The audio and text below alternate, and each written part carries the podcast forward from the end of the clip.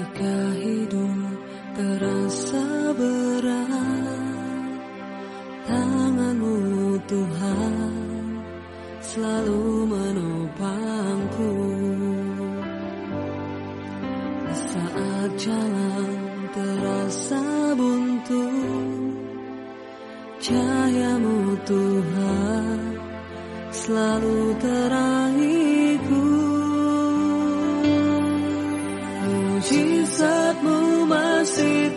terjadi.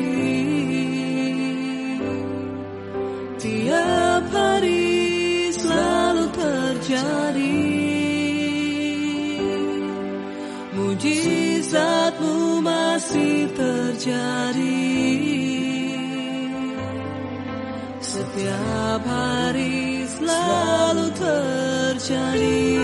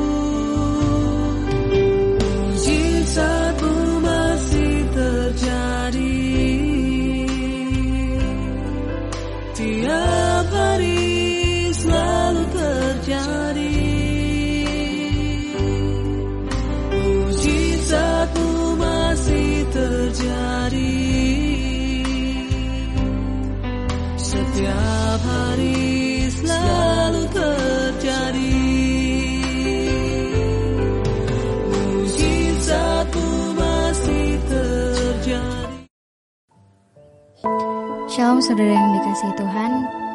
Kembali lagi eh, kita menyatukan hati kita untuk beribadah kepada Tuhan di Sunday Online ini. Kami percaya setiap kita boleh mengalami kasih karunia Tuhan yang selalu baru setiap harinya Kami punya Tuhan yang ajaib yang sanggup memulihkan keadaan setiap kami. Mari kita angkat pujian ajaib kau Tuhan bersama-sama.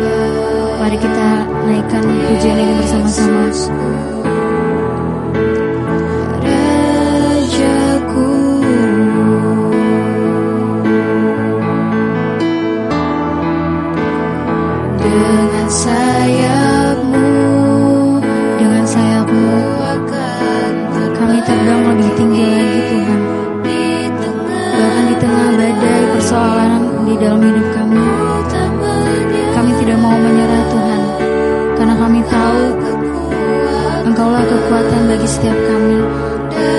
Engkau perlindungan bagi kami Tuhan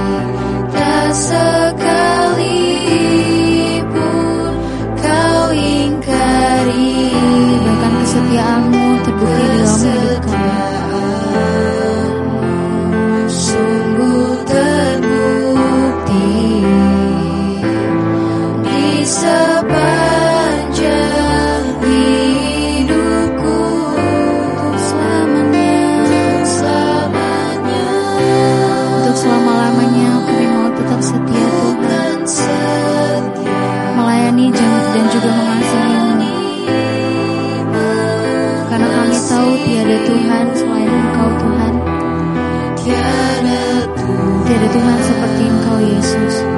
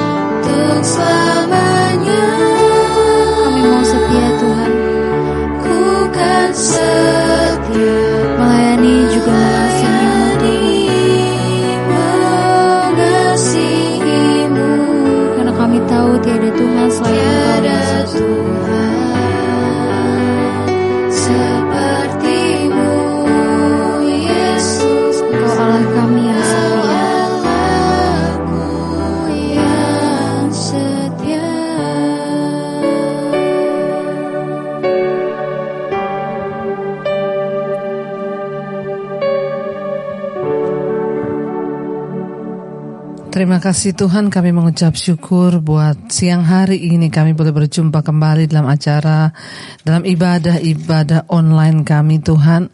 Kami mengucap syukur di hari Minggu ini Tuhan izinkan kami boleh bersama-sama. Kami masih boleh ada Tuhan untuk menikmati segala kebaikan Tuhan bahkan mendengarkan firman-Mu, mendengarkan tuntunan-Mu. Terima kasih Bapa.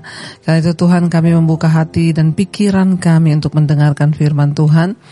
Urapi hambamu yang tidak ada apa-apanya Urapi setiap kami Bapa Agar kami boleh mengerti kebenaran firmanmu Dan sungguh-sungguh pikiran kami dapat diubahkan Terima kasih Tuhan Dalam nama Yesus Engkau mengurapi setiap anak-anakmu Umatmu, jemaatmu kami boleh menangkap sesuatu yang dari Tuhan. Dalam nama Yesus kami berucap syukur, kami sambut firman-Mu. Haleluya. Amin, amin. Iya, saudara Shalom ya. Kita berjumpa lagi di ibadah Sunday online pada hari ini ya dan seperti yang minggu lalu saya sampaikan kita masih akan membahas tentang ya bagaimana pikiran kita ini otak kita ini harus dicuci saudara ya agar kita memiliki pikiran pemenang, ya mental pemenang supaya kita boleh sungguh-sungguh mengalami tahun ini menjadi tahun kemenangan bagi setiap kita. Karena tanpa kita terasa, saudara, bulan demi bulan terus berlalu. Nanti tanpa kita sadari kita sudah ada di penghujung tahun lagi. Jangan sampai hidup kita nggak pernah berubah-berubah. Kenapa? Karena pikiran kita tidak berubah. Ya, minggu lalu kita sudah sama-sama sama-sama belajar Rasul Paulus berkata, Jangan menjadi sama seperti dunia ini, tapi berubahlah oleh pembaharuan pikiranmu. Kita nggak mungkin bisa berubah kalau pikiran kita nggak dicuci. Kita nggak mungkin bisa berubah kalau otak kita ini tidak kita program, tidak dicuci dengan firman Tuhan. Karena itu saudara ya, minggu yang lalu kita sudah belajar bagaimana Rasul Paulus berkata ya kita harus sungguh-sungguh mengalami perubahan. Ya bagaimana kita mengalami perubahan semuanya diawali dari akal budi hatimu itu harus diubah dulu. Cara berpikirmu itu harus diubah. Karena sungguh kita tidak mungkin mengalami kesembuhan, kita tidak mungkin mengalami pemulihan, kita tidak mungkin mengalami kemenangan tahun ini kalau pikiran kita tidak disetting ulang, tidak dicuci dengan firman Tuhan. Ya, karena itu baik kita akan sama-sama melanjutkan saudara ya masih di pembahasan kita yang lalu tentang bagaimana kita harus mencuci otak kita dengan firman Tuhan. Saya ingin kita membaca dulu Ibrani pasal yang ke-10 ayat yang ke-19 mulai. Ibrani 10 ayat 19 di sana dikatakan, Jadi saudara-saudara, oleh darah Yesus kita sekarang penuh keberanian dapat masuk ke dalam tempat kudus. Ayat 20, karena ia telah membuka jalan yang baru dan yang hidup bagi kita melalui tabir, yaitu dirinya sendiri. 21 dan kita mempunyai seorang imam besar sebagai kepala rumah Allah. 22 karena itu marilah kita menghadap Allah dengan hati yang tulus ikhlas dan keyakinan iman yang teguh karena oleh karena hati kita telah dibersihkan dari hati nurani yang jahat dan tubuh kita telah dibasuh dengan air yang murni. Saudara kita bersyukur lewat kematian Kristus kita boleh memperoleh jalan masuk ke dalam tempat kudus Tuhan.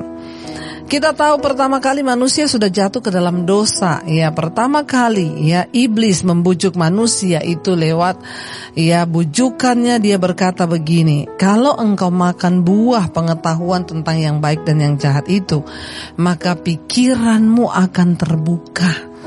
Dan engkau akan dapat mengetahui mana yang baik dan mana yang jahat. Perhatikan, manusia jatuh pertama kali di dalam dosa karena iblis menggoda dia untuk dia memiliki pikiran ya, supaya pikiranmu terbuka ya dan engkau bisa tahu mana yang baik, mana yang jahat. Iblis menipu, ya, dan dia berkata, pasti pikiranmu akan terbuka. Dia tanamkan sebuah pikiran yang bertentangan dengan apa yang sudah Tuhan taruh. Dari awal manusia jatuh ke dalam dosa, itu kejatuhan awalnya itu di dalam pikiran. Tuhan sudah berkata, semua pohon yang ada di taman ini boleh kamu makan, kecuali satu itu. Ya, pohon tentang pengetahuan yang baik dan yang jahat. Jangan engkau makan, saudara. Tapi iblis ya masuk di dalam pikirannya manusia. Dan dia berkata, kalau kamu makan, matamu akan terbuka. Lalu pikiranmu akan terbuka dan engkau bisa membedakan. Engkau punya pengetahuan. Engkau punya pikiran tentang yang baik dan yang jahat.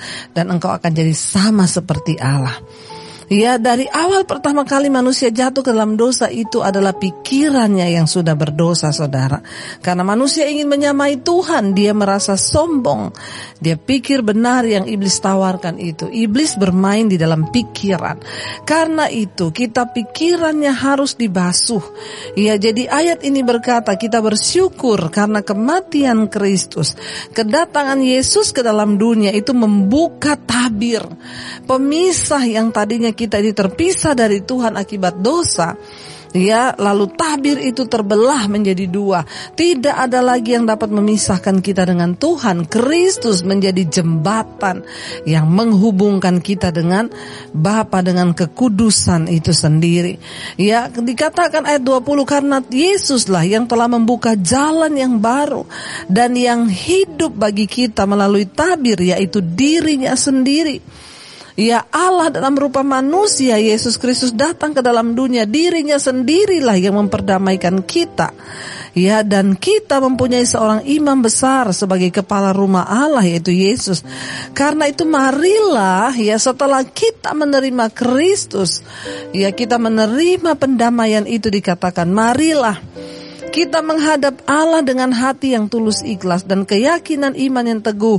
Oleh karena hati kita telah dibersihkan dari hati nurani yang jahat dan tubuh kita telah dibasuh dengan air yang murni. Hati kita harus ya dibersihkan dan tubuh kita harus dibasuh. Setelah kita dibersihkan hatinya dan dibasuh tubuh kita termasuk otak dan pikiran kita ini yang ada dalam tubuh kita dibasuh dengan firman yang murni, barulah saudara kita bisa menghadap Allah dengan hati yang tulus ikhlas dengan keyakinan iman yang teguh oleh karena apa? Hati nurani kita telah dibersihkan dari hati nurani yang jahat dan tubuh kita telah dibasuh dengan air yang murni. Di dalam tubuh manusia itu ada pikiran di dalamnya termasuk otak manusia harus dibasuh dengan air yang murni yaitu apa? Firman Tuhan. Dengan kata lain kita tidak mungkin bisa menghadap Tuhan dengan hati yang teguh, iman yang teguh, dengan keyakinan iman. Ya, dan kita tidak akan mungkin bisa akan menghadap Allah dengan hati yang tulus ikhlas kalau tubuh kita, otak kita, pikiran kita belum dibasuh dengan firman. Kenapa banyak orang tidak percaya diri dosanya diampuni? Karena dia tidak mengizinkan pikirannya, otaknya dibasuh dengan firman. Waktu saya saya pernah bersaksi saudara tentang seorang ibu yang mengirimkan kesaksian bahkan saya sudah pernah baca. Dia berkata ketika dia jatuh saudara hidupnya terpuruk, dia jatuh di dalam dia jauh dari Tuhan. Lalu pikirannya iblis terus menuduh dia dalam pikirannya kamu itu tidak berharga. Hidupmu itu sudah hancur, hidupmu itu sudah rusak. Pada akhirnya dia hendak melakukan bunuh diri mengakhiri hidupnya. Kenapa? Karena tuduhan dalam pikiran yang iblis taruh tadi. Tetapi dia berkata saya bersyukur menemukan channel ibu dan saya menemukan kebenaran-kebenaran firman Tuhan.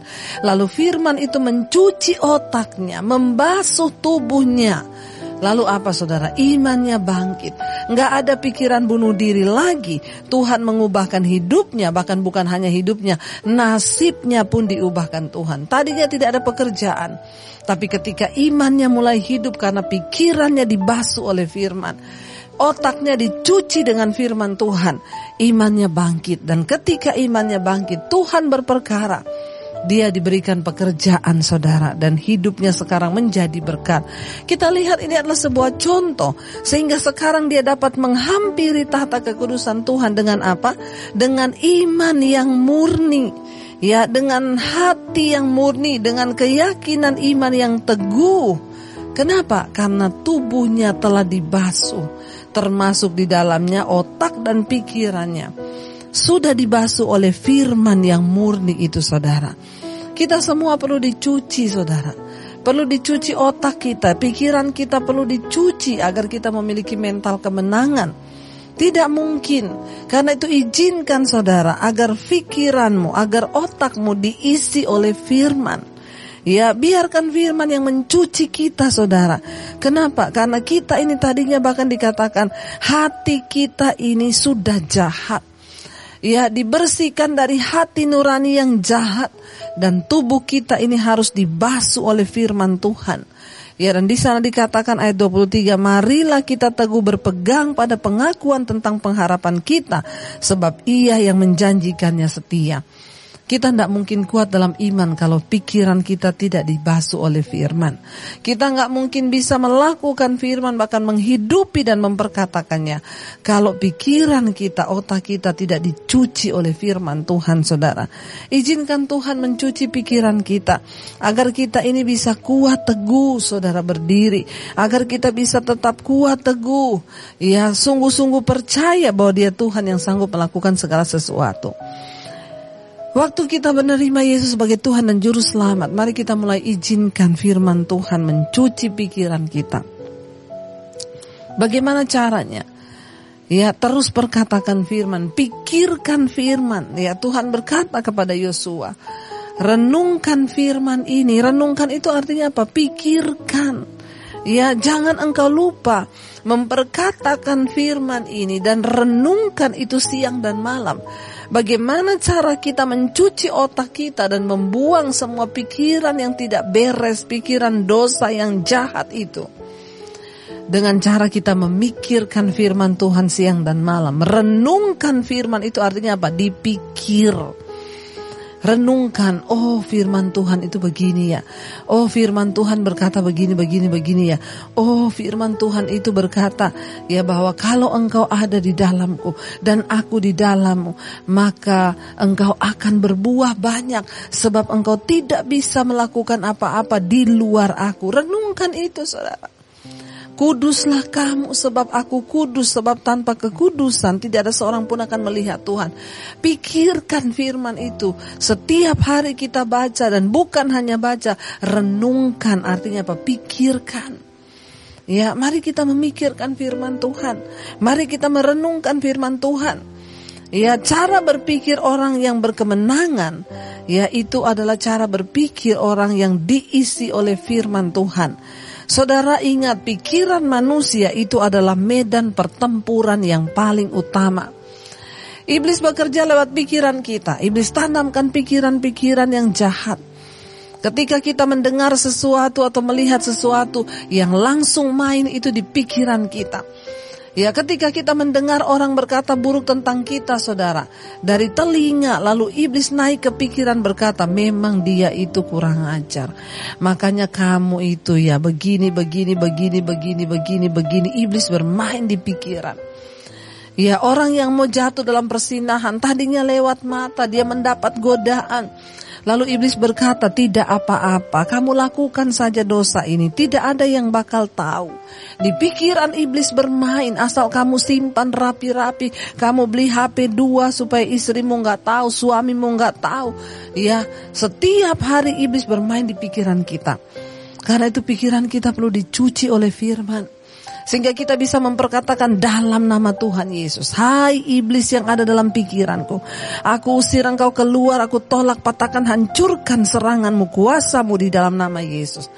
Orang saudara, Ya, ketika dia terikat dengan ketakutan, saya melihat banyak orang datang konseling kepada saya, "Bu, saya ketakutan." Apa yang Ibu takutkan? Saya juga tidak tahu apa yang saya takutkan. Tapi tiap hari pikiran saya mau mati, mau mati, mau mati.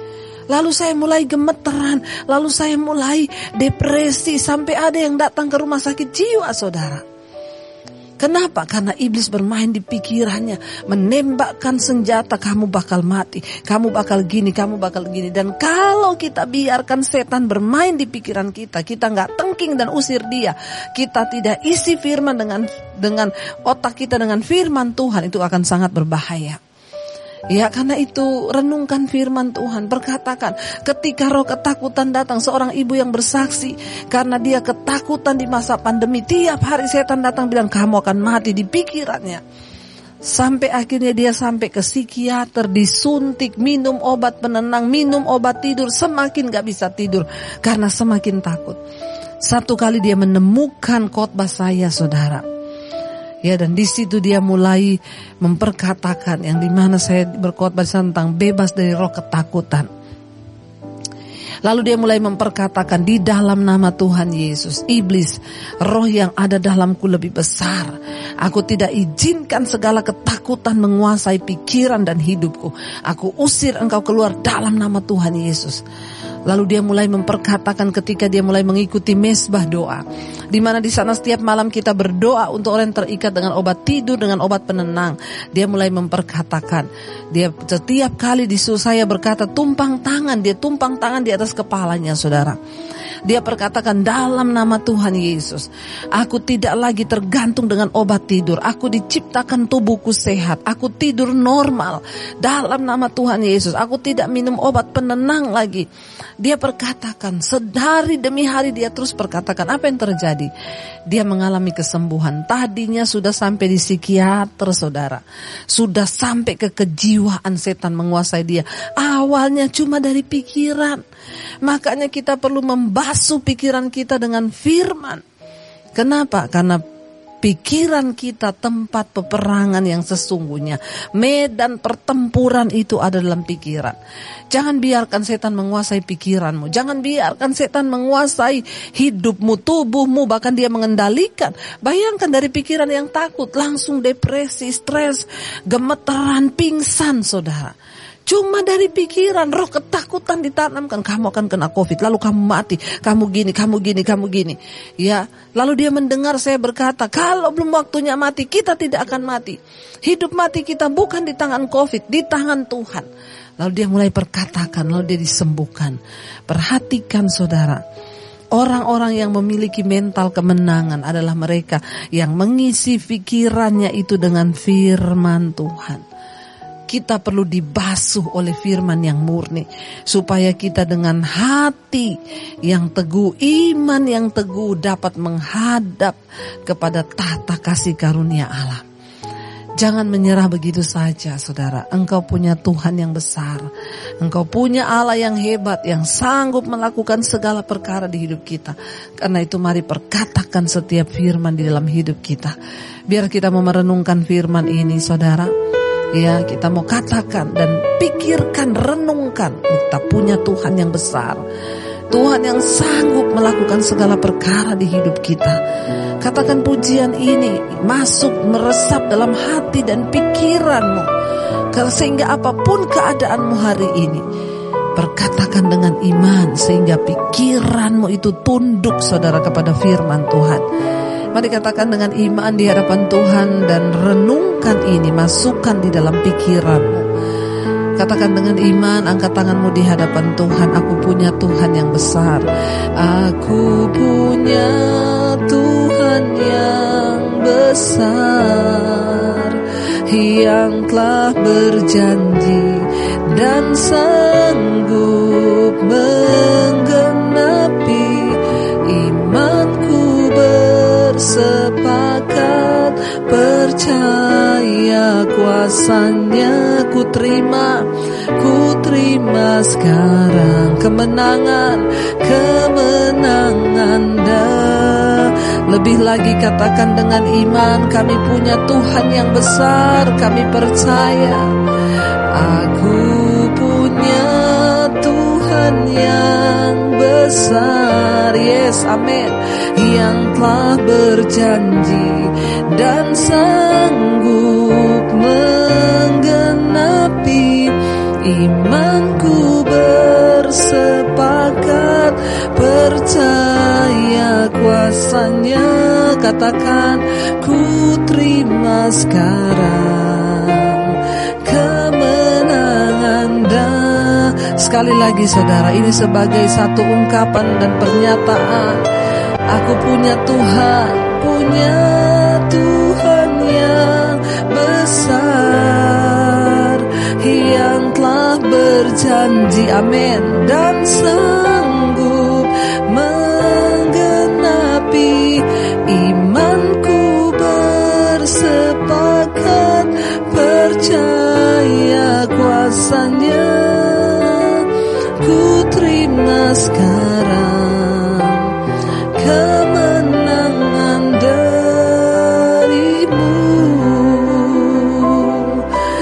percaya kami punya Tuhan yang besar Tuhan yang sanggup melakukan segala firman yang sudah diucapkannya dalam hidup kami. Sehingga hari ini tidak ada satupun keadaan yang akan membuat hidup kami terpuruk ketika kami bangkitkan hati dan iman kami. Kami ubah cara berpikir kami sesuai dengan firman Tuhan. Kami usir segala pikiran-pikiran kekalahan, pikiran-pikiran kerdil yang membuat kami menyerah, pikiran-pikiran yang menuduh hidup kami, pikiran-pikiran yang akan menakuti kami. Kami ikat patahkan hancurkan dalam nama Tuhan Yesus. Karena kami punya Tuhan yang besar yang sanggup melakukan segala perkara. Itu yang akan kami taruh di pikiran kami. Iblis engkau tidak berhak menembakkan pikiran ketakutan dalam hidup kami. Pikiran kekalahan, pikiran menyerah. Kami tahu Tuhan sanggup mengubah hidup kami. Tuhan sanggup mengubah nasib kami. Bahkan Tuhan sanggup mengubah penyakit kami menjadi kesembuhan. Pikirkan semua itu saudara. Hari ini mari saudara ikuti saya taruh tanganmu di pikiranmu, di otakmu, di kepalamu. Katakan Tuhan, dalam nama Tuhan Yesus, aku meletakkan tanganku di pikiranku. Biarlah semua firman Tuhan tertulis, terisi di dalam pikiranku. Semua firman yang aku dengar, yang aku baca, tertulis dalam pikiran. Aku mau renungkan itu. Biar pikiranku ini menjadi perbendaharaan firman Tuhan bukan kata-kata yang menakutkan, yang menyedihkan, yang melemahkan, tetapi pikiran positif yang akan menggerakkan hidup kami, yang akan menyembuhkan tubuh kami. Berkati umatmu Tuhan, anak-anakmu hari ini. Mereka yang terus setia berdoa, setia mencari Tuhan, bahkan setia memperkatakan firmanmu, setia merenungkan firmanmu. Hamba berdoa hari ini, pikiran mereka dibasuh oleh darah Yesus. Sehingga tahun ini kami melihat menjadi tahun kemenangan karena Tuhan yang beserta dengan kami sudah membasuh pikiran kami. Terima kasih Bapa, kami juga lepaskan berkat bagi bangsa dan negara kami. Indonesia dipenuhi oleh kemuliaan Tuhan. Semua penduduknya bertobat berbalik dari jalan yang jahat pikirannya dijamah Tuhan sehingga mereka boleh melihat sesuatu yang dari Tuhan itu ada di atas bangsa kami. Berkati Bapak Presiden Jokowi, wakilnya seluruh jajaran kabinet yang ada bahkan TNI Polri Indonesia aman dalam tangan Tuhan. Terima kasih Bapak Engkau juga terus memberkati setiap anak-anakmu Yang terus setia berdoa Yang terus setia mencari wajahmu Tuhan memberkati Terima kasih Bapa kami membuka hati dan tangan kami hari ini Saudara terimalah kiranya berkat dari Allah Bapa Cinta kasih Tuhan Yesus Kristus Penyertaan Allah Roh Kudus menyertai hidupmu Mulai hari ini bahkan sampai kalian kedua Tuhan Yesus datang menjemput kita Namamu tercatat dalam kitab kehidupan Dalam nama Tuhan Yesus percaya diberkati katakan bersama Amin, amin, amin. Tuhan Yesus memberkati. Shalom dan salam kemenangan.